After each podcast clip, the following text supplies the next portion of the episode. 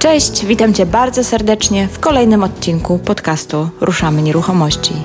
Ja się nazywam Marta Baczewska-Golik i na łamach tego podcastu pomagam osobom zainteresowanym tematyką nieruchomości zrozumieć pewne mechanizmy i prawa rządzące tym rynkiem.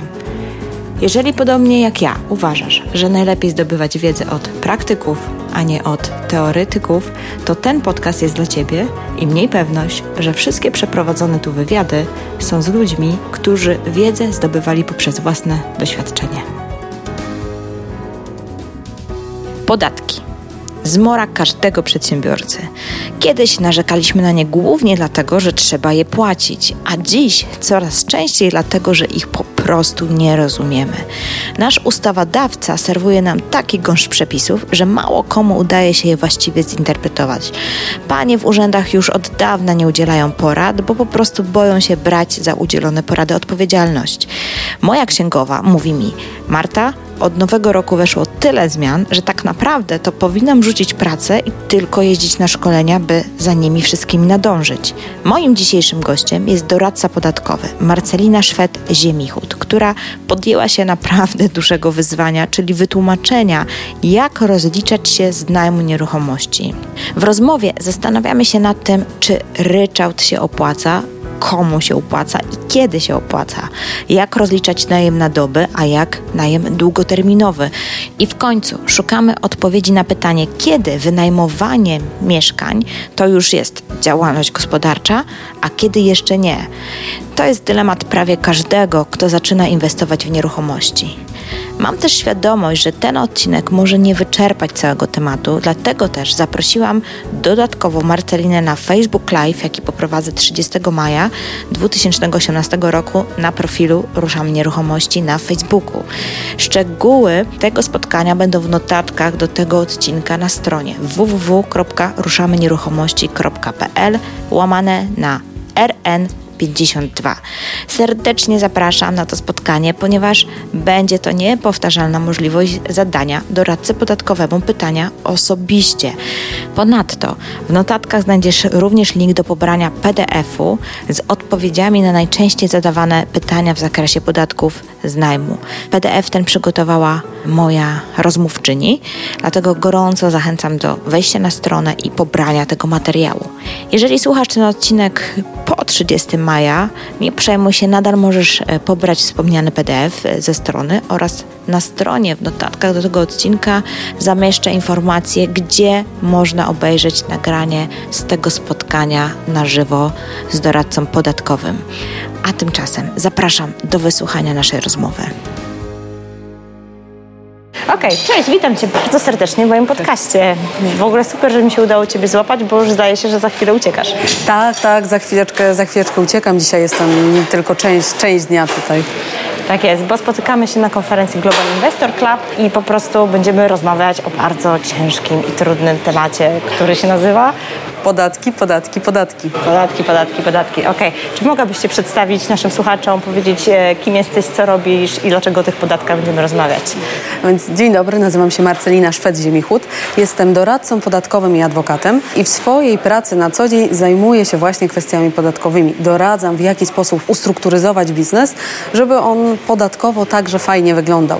To znaczy pokazuję możliwe drogi optymalizacji. Oczywiście pokazuję też te momenty, kiedy, kiedy musimy zapłacić zapłacić podatek, ale pokazuje też e, te sytuacje, kiedy możemy to zrobić w jak najbardziej korzystny dla nas sposób.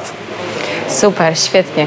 Dzisiaj chciałabym z Tobą porozmawiać głównie o podatkach związanych z obrotem nieruchomościami, mhm. choć wiem, że nie tylko tym się zajmujesz, bo wykład miałaś na temat kryptowalut, walut, tak, prawda? Tak, dokładnie. Właściwie nie ma, nie ma biznesu, gdzie, gdzie nie doradzam, bo pewne kwestie oczywiście są specyficzne dla, dla danego rynku, tak jak na przykład kwestie nie wiem, VAT-owskie dla rynku nieruchomości, tak. E, a, a inne dla, dla innych sektorów, tak jak na przykład ostatnio słynny podatek od czynności cywilnoprawnych przy transakcjach kryptowalutowych.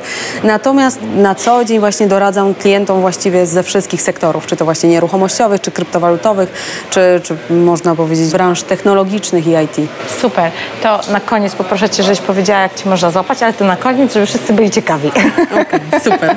Słuchaj, jesteśmy w podcaście Ruszamy Nieruchomości, więc przejdźmy z tych kryptowalut do nieruchomości mhm. i nie ukrywam, że ja dostaję naprawdę całą masę różnych pytań związanych głównie z najmem, bo tu jest w ogóle straszny rozgardiaż. Nie ma takich konkretnych przepisów, które powiedziałyby, że na przykład masz dwie nieruchomości, czy trzy nieruchomości, pięć nieruchomości, to musisz zrobić to i już musisz wejść na e, działalność gospodarczą, rozliczać się normalnie na jakichś tam zasadach podatkowych, a jak nie, to możesz korzystać z jakiegoś ryczałtu i tak dalej. Ja zauważam, że ludziom to się strasznie miesza.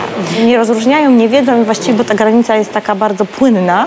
Kiedy ja wynajmuję prywatnie i mogę korzystać z tych przywilejów pod tytułem ryczałt, a kiedy ja już muszę jednak e, wejść na taki wyższy level rozliczania się podatkowego i po prostu traktować moją działalność jak działalność po prostu taką związaną z no, gospodarczą, nazwijmy to. No, jest to bardzo temat skomplikowany. I to wynika z tego, że definicja działalności gospodarczej jako taka jest bardzo płynna, bo, bo zgodnie z przepisami to, to działalnością gospodarczą jest taka działalność prowadzona po pierwsze w celach zarobkowych, ale także prowadzona w sposób długotrwały, e, systematyczny i ciągły. E, no i w przypadku, kiedy my wynajmujemy nieruchomość, powstaje pytanie, czy to, że ja wynajmuję na przykład jedno mieszkanie i robię to przez określony czas, czy to już oznacza, że ja mam działalność gospodarczą, czy nie. Ale równocześnie są przecież takie, tacy inwestorzy, takie inwestorki, które wynajmują na przykład 5 czy 10 nieruchomości. I powstaje pytanie, czy to już jest działalność gospodarcza, czy jeszcze nie. No i tak jak powiedziałam, ta definicja jest bardzo płynna, a Ministerstwo Finansów także nam nie pomaga, bo, bo w tych interpretacjach indywidualnych, które są wydawane, to mamy czasem do czynienia z interpretacjami, gdzie, gdzie organy skarbowe potwierdzają, że jeżeli mamy na przykład 5 lub 10 nieruchomości, to i je wynajmujemy, to jeszcze nie prowadzimy działalności gospodarczej, a następnie potem jest wydawana interpretacja indywidualna w, dla innej osoby, gdzie ministerstwo wskazuje, tak, wynajmujesz 5 nieruchomości, prowadzisz już działalność gospodarczą. Więc trochę stąd się bierze to zamieszanie, że po pierwsze przepisy są niejasne i indywidualna sytuacja każdego, każdej z nas e, no, też czasami wskazuje na tą działalność gospodarczą, a czasami na nią, na nią nie wskazuje. Natomiast to może zacznijmy od drugiej strony. Kiedy to na pewno nie jest działalność? Może tak będzie łatwiej. Może ja zacznę jeszcze od drugiej strony. Że troszkę powiem, dla, z, czym to jest, e, z czym to jest spowodowane. Bo przepisy, e, które podatkowe, czyli ustawy o podatku dochodowym od osób fizycznych, pozwalają nam traktować zyski z najmu albo jako zyski z działalności gospodarczej, albo jako zyski z tak zwanego najmu prywatnego, czy, czy po prostu z wynajmu nieruchomości. I w wielu przypadkach yy, organy podatkowe mówią, że to od nas zależy, kiedy to już jest nasza działalność, a kiedy uznajemy, że to jeszcze działalność nie jest. Jeżeli nie jesteśmy pewni i boimy się, czy, czy w prawidłowy sposób postępujemy, e, można wystąpić z wnioskiem o interpretację indywidualną do, do organów skarbowych, które potwierdzą, że to, co robimy, jest dobre i na przykład faktycznie możemy się rozliczać na takich, a nie innych zasadach. Czyli rozumiem, że jak ktoś zadzwoni na informację podatkową, to nie za wiele się dowie też. Znaczy, no dowie się trochę tyle co, tyle, co ode mnie, z tego względu, że to po prostu jest tak indywidualna kwestia, że czasem dobrze jest się, czasem dobrze jest się skonsultować. I też to, co... A co w przypadku najmu na pokoje albo najmu na krótki termin? Czy to już nie nosi znamion takich silnych działalności gospodarczej? Jak do tego podchodzą urzędy skarbowe? No i tutaj też jest, jest loteria. E, natomiast to, co jest szalenie istotne, to to, że jeżeli osiągamy takie zyski, to trzeba je wykazywać, bo, bo tak naprawdę wszystko się sprowadza do tego, czy, czy wykazujemy zyski, czy nie. Jeżeli mamy takie zyski i to jest tak, że na przykład wynajmujemy jeden pokój raz na jakiś czas, to w moim odczuciu raczej to nie jest działalność gospodarcza. Natomiast jak już przygotowujemy specjalnie mieszkanie, dzielimy je na pokoje, wystawiamy się, ogłaszamy się na wielu portalach internetowych, na przykład wykupujemy też dodatkowo reklamy Google'a, no to takie, takie czy w Google, Nawet przy jednym mieszkaniu. E, nawet przy jednym mieszkaniu, to takie działania mogą pokazywać, że my to chcemy prowadzić działalność gospodarczą w ten sposób. Mhm. Więc tak jak powiedziałam, to są kwestie bardzo, bardzo jednostkowe.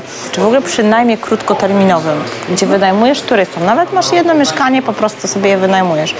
Czy w ogóle przy takim najmie w ogóle może w grę wchodzić ryczałt? Czy jeżeli już to tylko zasady ogólne? To skomplikowane. E, powiedziałabym tak, trzeba się w ogóle zastanowić, czy ten ryczałt nam pasuje bo w wielu przypadkach inwestorki czy inwestorzy, z którymi ja rozmawiam, myślą, że ryczałt jest dla nich najlepszy, dlatego że to jest 8,5%. A kiedy siadamy wspólnie, robimy symulację, przeliczamy na przykład wartość amortyzacji, którą można by, czy też odpisy amortyzacyjne, czy inne wydatki ponoszone na, na dany lokal, okazuje się, że ten ryczałt wcale nie jest najlepszym wyborem i łatwiej jest... Też mam takie doświadczenie. bardziej się nam opłaca wybrać na przykład zasady ogólne, czy nawet e, stwierdzić stwierdzić, że w określonych okolicznościach prowadzimy działalność gospodarczą i chcemy iść w 19%, że to jest dla nas bardziej korzystne niż ten 8,5% ryczałt.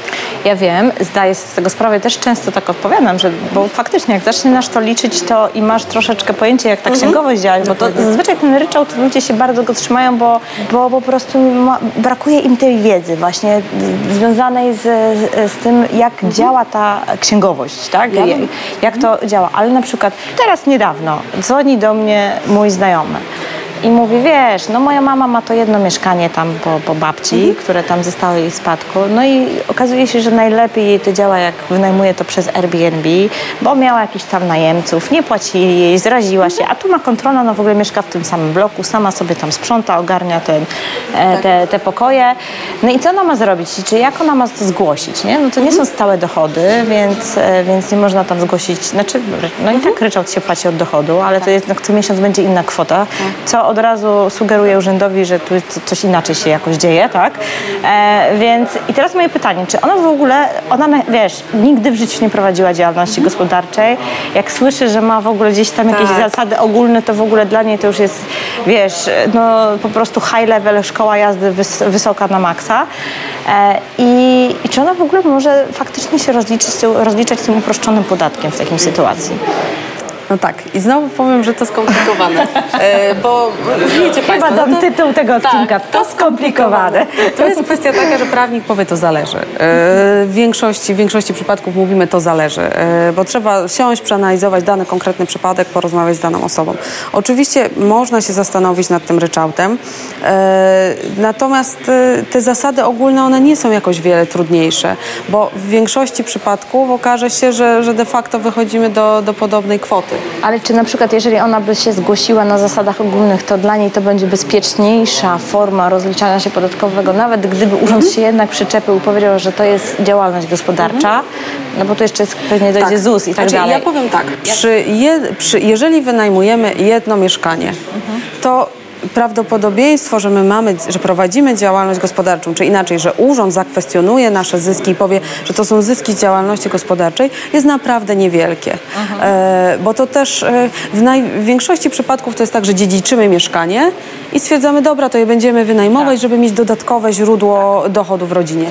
I w takich sytuacjach, e, tak jak powiedziałam, no, uznanie tego za działalność gospodarczą to, to odpada. Bo, Czyli bo teoretycznie to... mogłaby płacić ten ryczałt? Tak, tak. Mogłaby płacić, tak. okej. Okay. Pewnie nie dałyśmy odpowiedzi wprost, ale to też nie są porady e, prawne, tak, e, więc e, i tu zastrzegamy, bo tak jak sami słyszycie, przepisy są niejednoznaczne, więc, e, więc prosimy jednak to skonsultować, wystąpić o indywidualną interpretację, tak będzie najbezpieczniej. Znaczy, to też jest też, jeżeli te zyski są niewielkie, jeżeli tak jak mówię, no to jest jeden, jedno mieszkanie, które wynajmujemy, e, to też tutaj ryzyko w tym zakresie jest niewielkie, prawda? Mhm. Też, e, też musimy zakładać racjonalność urzędów skarbowych. Urzędnicy naprawdę są, są racjonalni. Jeżeli widzą takie sytuacje, gdzie my siadamy, rozmawiamy z nimi, mówimy, jaki mamy problem, albo po prostu deklarujemy nasze zyski w sposób prawidłowy i pokazujemy, jesteśmy uczciwi, to nasza sytuacja y, jest nieporównywalnie lepsza niż osób, które w ogóle nic nie wykazują i, i tak naprawdę te zyski, można powiedzieć, mają na czarno, te, czerpią zyski e, z najmu. Bo to, co trzeba w pierwszej kolejności powiedzieć, to to, że jeżeli wynajmujemy e, lokal, uzyskujemy z tego tytułu zyski, no to musimy je wykazać w naszych rozliczeniach po prostu i być e, uczciwym w tym znaczeniu, że wykazujemy zyski, opodatkowujemy się z nich i, i jest sprawa prosta po prostu. Jasne. Dobra, to a teraz jeżeli ktoś myśli o tym, żeby zacząć e, robić e, czy podnajem, czy najem krótkoterminowy, czy po prostu zacząć faktycznie no, wprowadzać jakąś skalę w tym swoim e, biznesie nieruchomościowym, nazwijmy to, e, w którym momencie tak naprawdę powinni założyć działalność gospodarczą? To też zależy, jak my się nastawiamy do tej działalności, bo jeżeli ja stwierdzam dzisiaj, ok, od dzisiaj zajmuję się działalnością gospodarczą w zakresie wynajmu nieruchomości.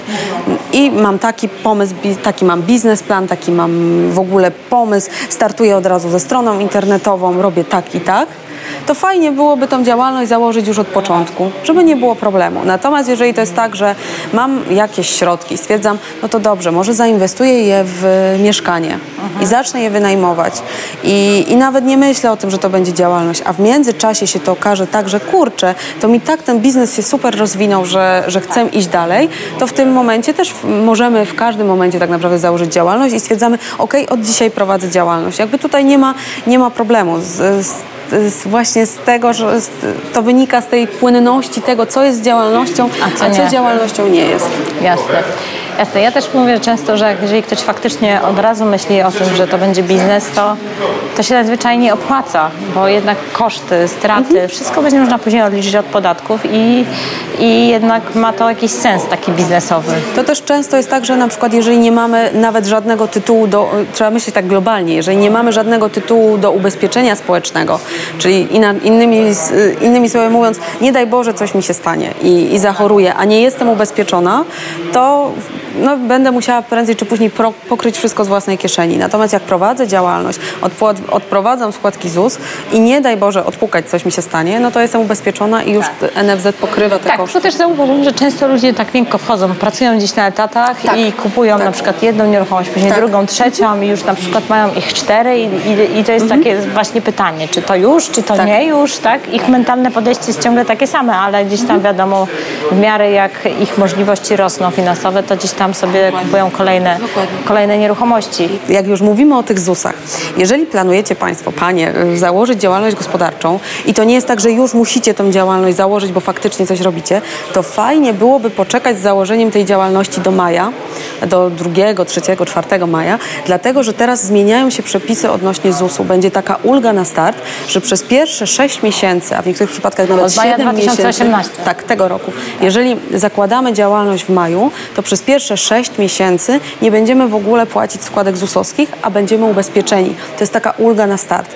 Więc tak jak mówię, jeżeli nie musimy tej działalności zakładać w kwietniu, to może lepiej poczekać do maja i oszczędzić tak naprawdę ZUS za pół roku. Oczywi oczywiście potem dalej będziemy mogli korzystać z takiego mniejszego ZUS-u. A propos tych e, kwot e, wolnych od zakładania działalności gospodarczej, że tam chyba jeżeli obrót, znaczy jeżeli obrót albo dochód, już teraz nie pamiętam, gdzieś wyczytałam, nie przekracza tysiąca złotych miesięcznie, czyli ktoś ma jakąś taką dodatkową, dorywczą pracę, nie wiem, ma robótki mhm. ręczne, które sprzedaje w internecie, nie będzie wymagało założenia działalności mhm. gospodarczej, ale chyba jakąś uproszczoną księgowość będzie trzeba prowadzić coś takiego. Nie wiem, czy to już weszło, czy nie. To, to jest właśnie cały ten pakiet zmian, który, ta ulga na start, o której powiedziałam, która dotyczy ZUS-u, to jest właśnie razem z tym, e, razem tak? z tym. To, okay. jest, to jest jakby szereg zmian, które są wprowadzone do, e, do naszych przepisów, to, to ma być taki pakiet z, takich uproszczeń, który zmienia tak naprawdę około 250 innych ustaw, e, więc to jest masa kwestii do przeanalizowania. Ja szczerze powiem, że jeszcze nie wszystkie nawet miałam czas przeanalizować. Natomiast to, o czym ty mówisz, to faktycznie jest jedna, jedna z tych zmian, że w przypadku takiej działalności o mniejszym kalibrze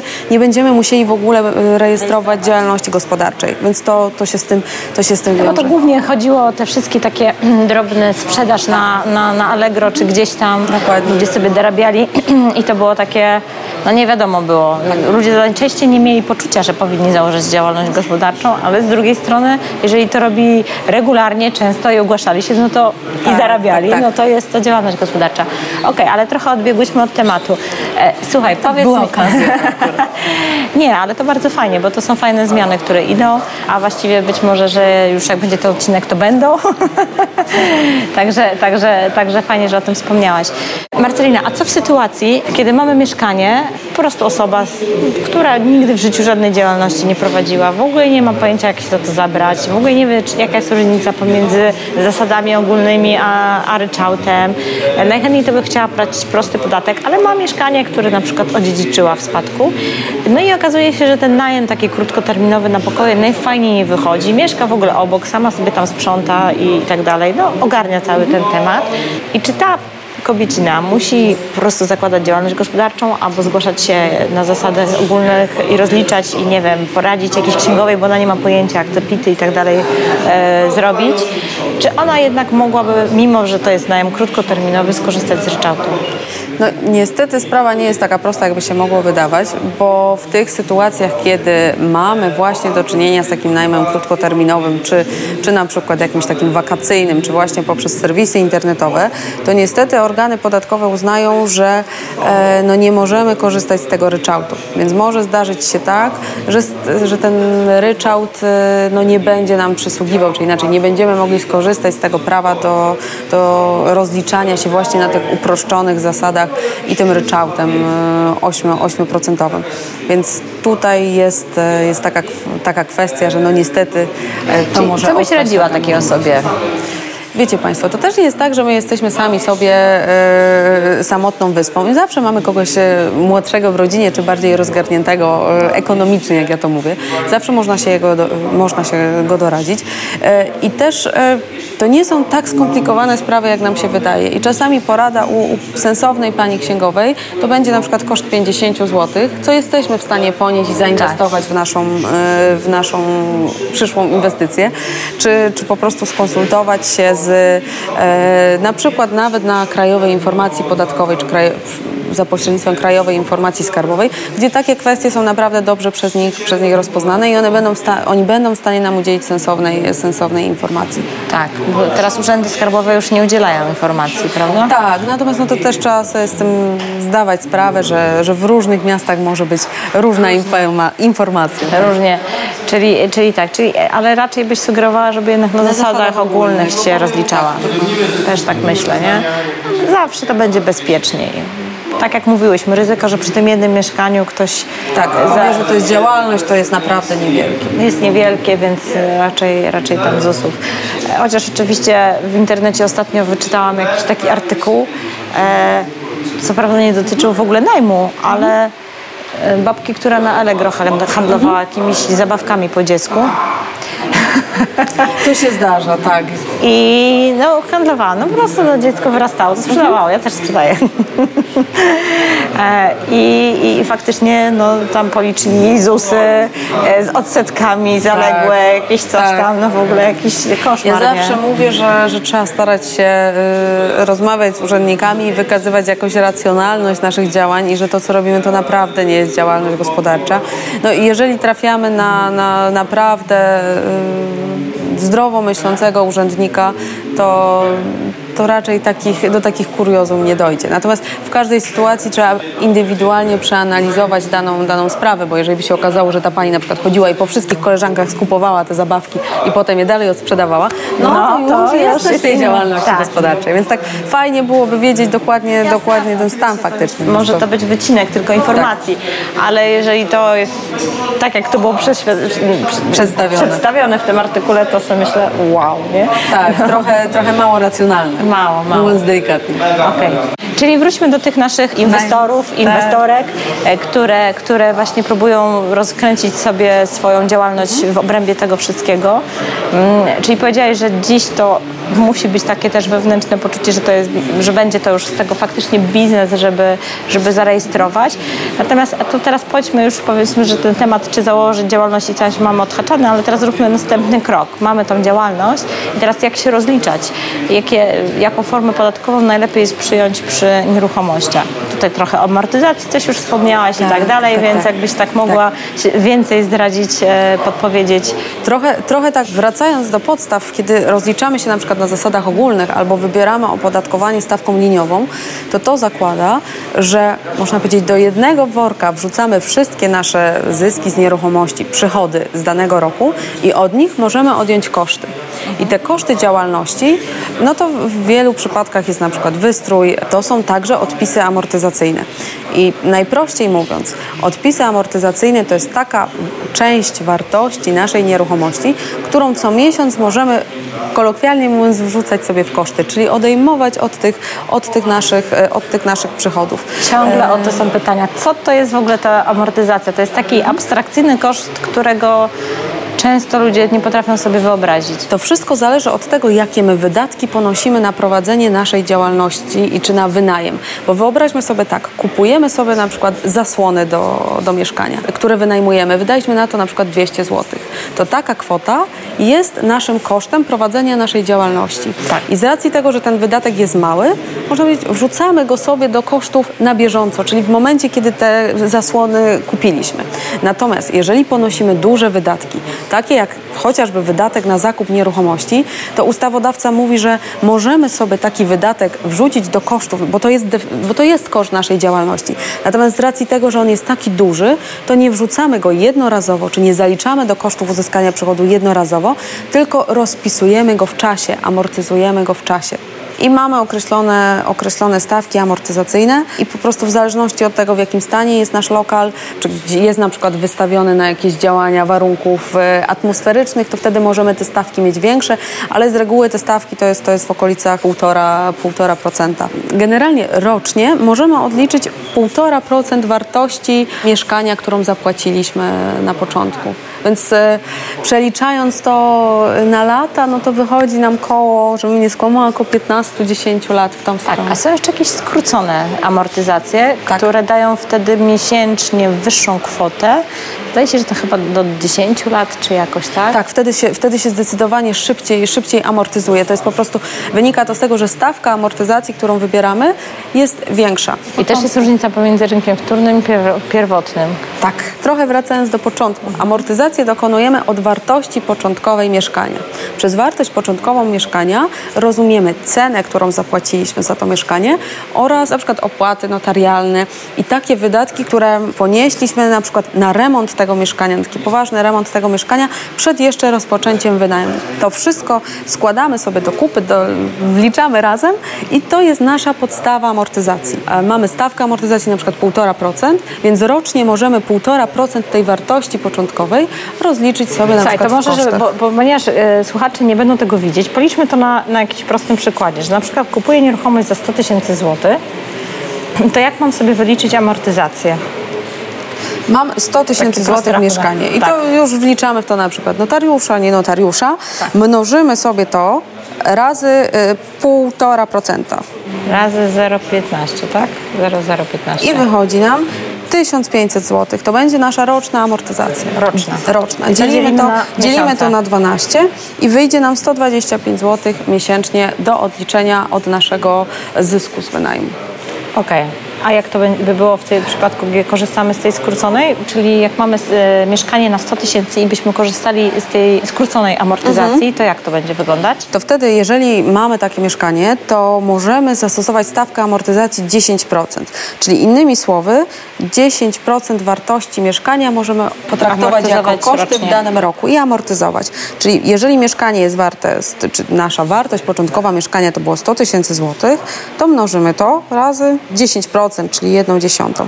I wychodzi nam 10 tysięcy złotych, ale rocznie, jako naszych kosztów. Więc dzielimy to przez 12 miesięcy i w jednym miesiącu możemy w takim wypadku potraktować jako koszt 8333 Znaczy 833 zł i 33 grosze. Tak jest. Więc widzimy, że ta amortyzacja może być dla nas korzystna i znacznie wzrosła. I to jest to, o czym mówiłeś, że czasami się nie opłaca Być na ryczałcie. bo można odejmować tą Tak. amortyzację, ale nie zawsze ją można stosować, więc może powiedzmy, kiedy można Ta to stosować. amortyzacja podwyższona może być stosowana do takich lokali, czy do takich mieszkań, które były wykorzystywane przez okres 60 miesięcy. Czyli inaczej mówiąc, jeżeli mieliśmy na przykład lokal odziedziczony po babci, który jest stary, no bo wiadomo, już babcia w nim trochę czasu mieszkała, albo jeżeli mamy takie mieszkanie, które jest nowe, ale które wcześniej było przez kogoś wykorzystywane przez, przez na przykład 6 lat, to wtedy my kupując takie mieszkanie możemy je amortyzować przy zastosowaniu tej podwyższonej stawki e, amortyzacyjnej e, 10%. Czyli jednym słowem, jak kupujemy y, z rynku pierwotnego bezpośrednio od dewelopera, to wówczas co? Tylko Mamy te 1,5% niższe, tak. procent Tak, możemy dokładnie. odliczać. bo to jest, jest to jeden z powodów, dla których często jednak inwestorzy mhm. Decydują się na zakup mieszkań na rynku wtórnym, na najem, tak. bo właśnie dzięki tej stawce amortyzacyjnej szybciej rozliczamy koszty. Tak, i nie płacą podatku po prostu, tak. najzwyczajniej w To, co jest też ważne, jeszcze wracając do tego podatku zryczałtowanego 8,5%, mhm. nie wiem, czy wszyscy pamiętają, natomiast od 1 stycznia 2018 roku zmieniły się przepisy.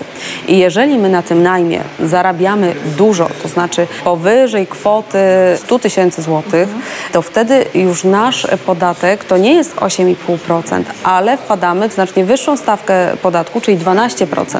Więc może się okazać, że wybór ryczałtu, kiedy mamy na przykład duże mieszkanie, na którym zarabiamy dużo, albo mamy na przykład dwa mieszkania i w trakcie roku zarobimy naprawdę fajną kwotę, to wpadniemy w podatek 12%, a nie i 8,5%.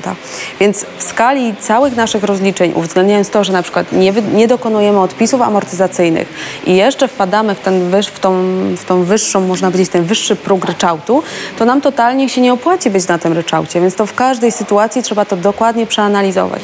A jeszcze powiedz mi, jeżeli rozliczasz się na zasadach ogólnych, ale jako osoba fizyczna, która nie prowadzi mhm. działalności gospodarczej, czy w koszty możesz wliczyć również odsetki od kredytu, tak jak w firmie?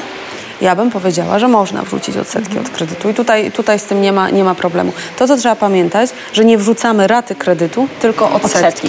I to też zależy od momentu, w którym, e, w którym zaczęliśmy wynajmować mieszkanie.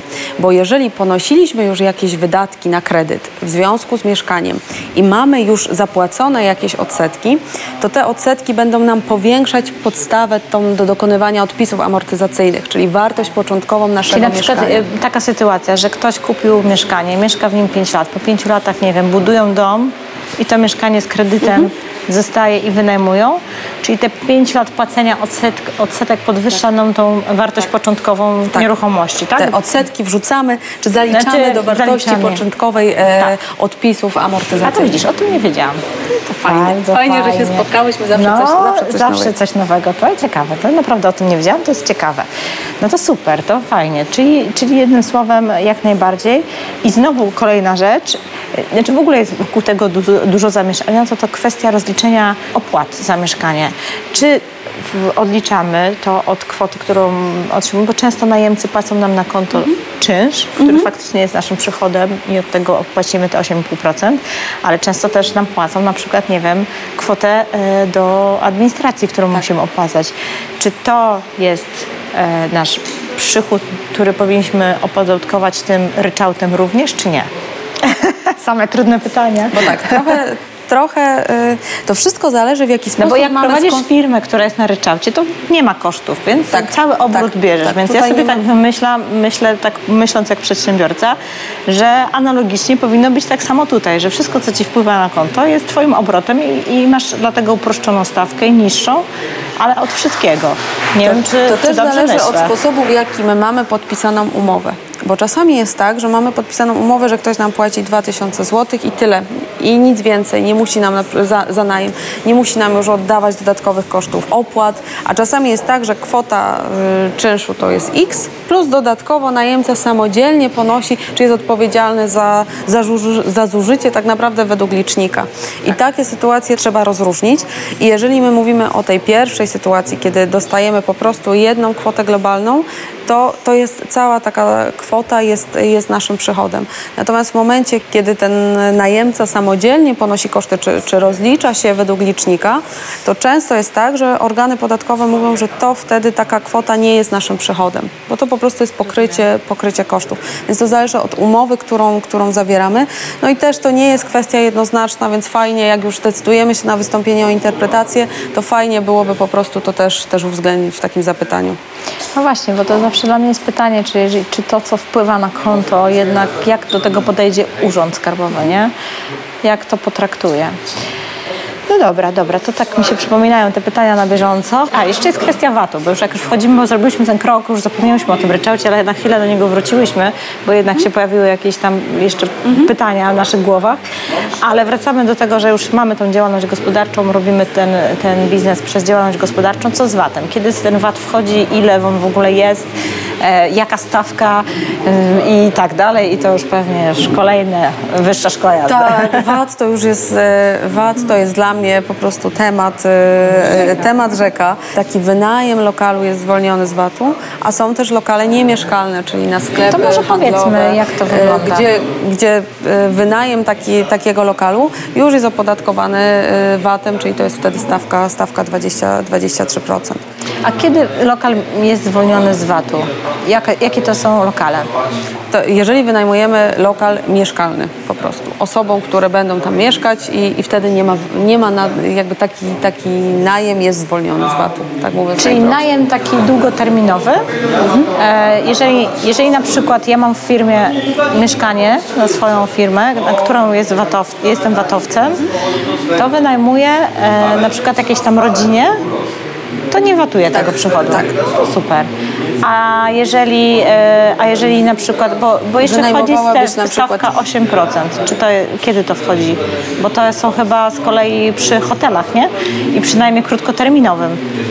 Rozdzielamy sytuację. Jeżeli wynajmujemy e, mieszkanie dla rodziny i wiemy, że ta rodzina będzie tam mieszkać, zakładamy, że będzie mieszkać przez jakiś czas, na przykład podpisujemy umowę najmu na rok albo na dłużej, albo po prostu na czas nieokreślony, ale w domyśle wiemy, że rodzina się nie będzie z tego, Tak.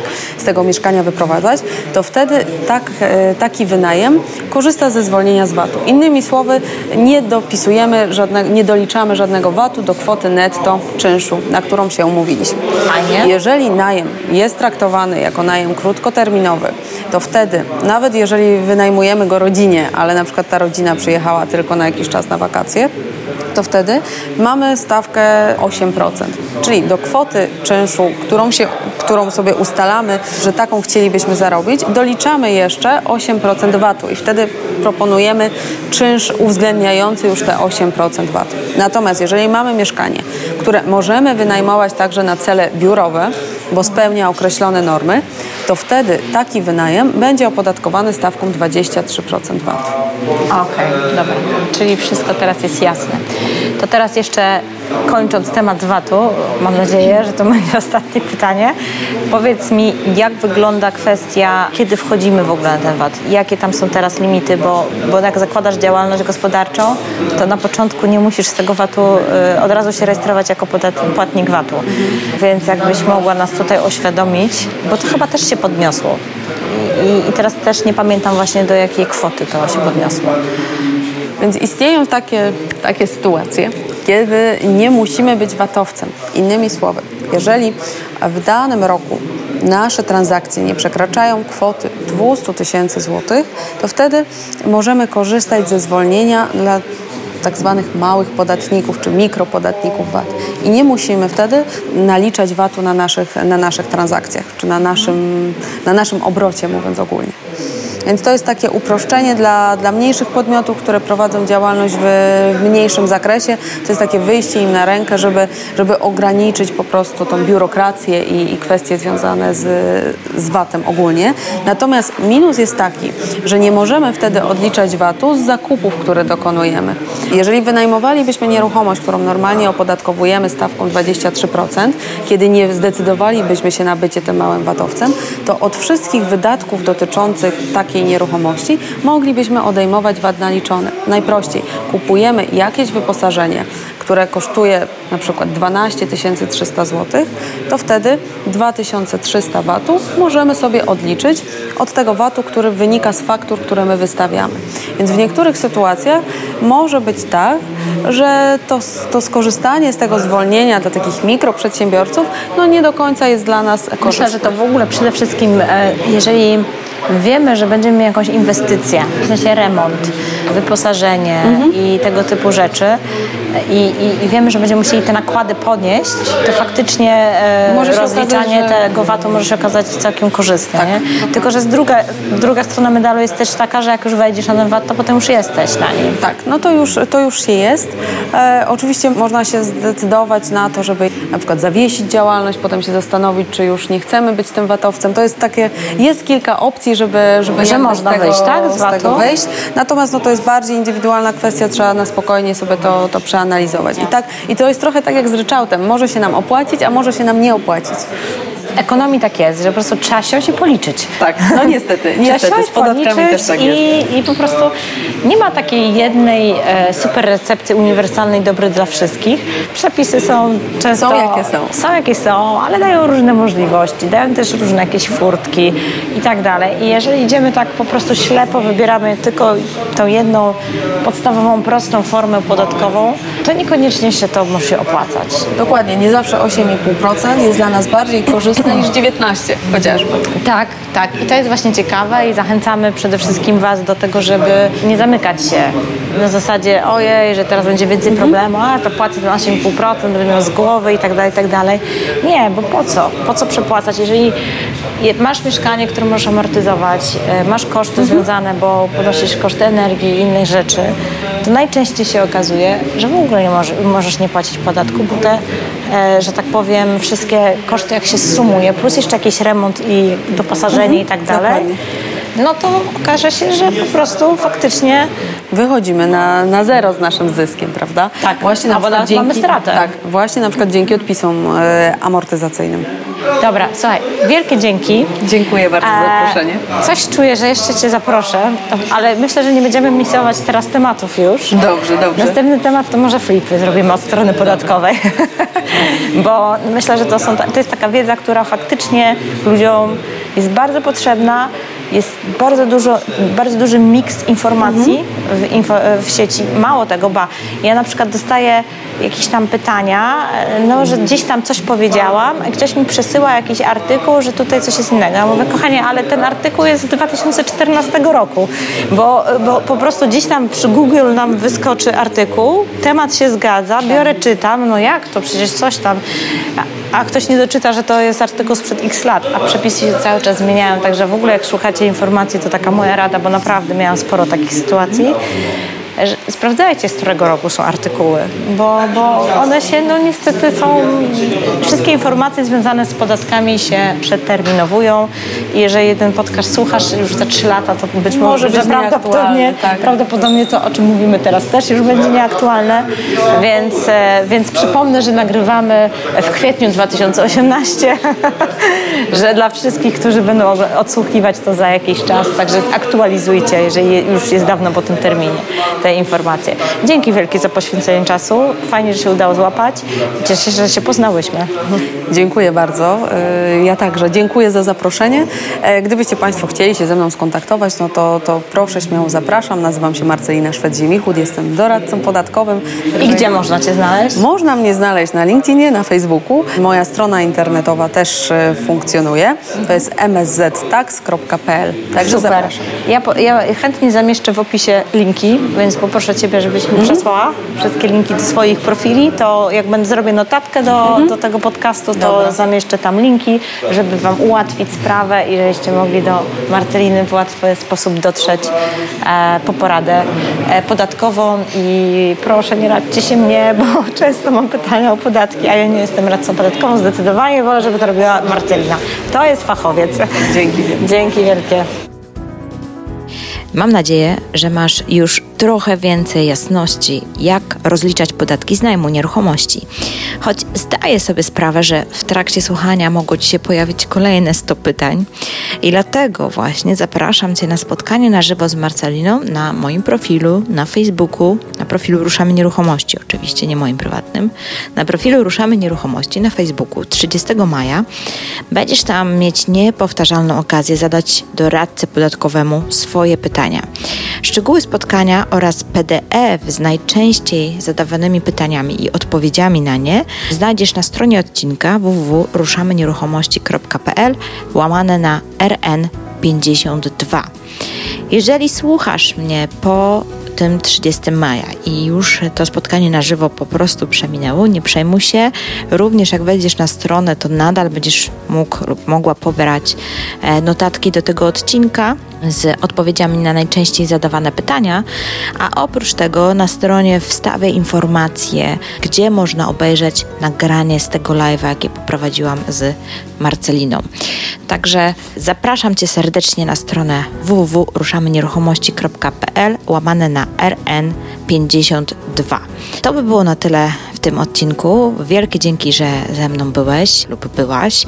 Oczywiście tradycyjnie poproszę Cię o podanie tego odcinka dalej, jeżeli uważasz, że są tu cenne i wartościowe informacje, jeżeli w Twoim otoczeniu są osoby, które zajmują się najmem nieruchomości, mają jedną, dwie lub trzy, nieważne w jaki sposób wynajmują i, i szukają informacji na temat e, podatków i jak się z tego rozliczać, to podaj im tę informację dalej, przekaż ten odcinek, bo myślę, że będzie tu dla nich sporo wartościowej treści. Także dzięki wielkie za wysłuchanie tego odcinka i do usłyszenia niebawem.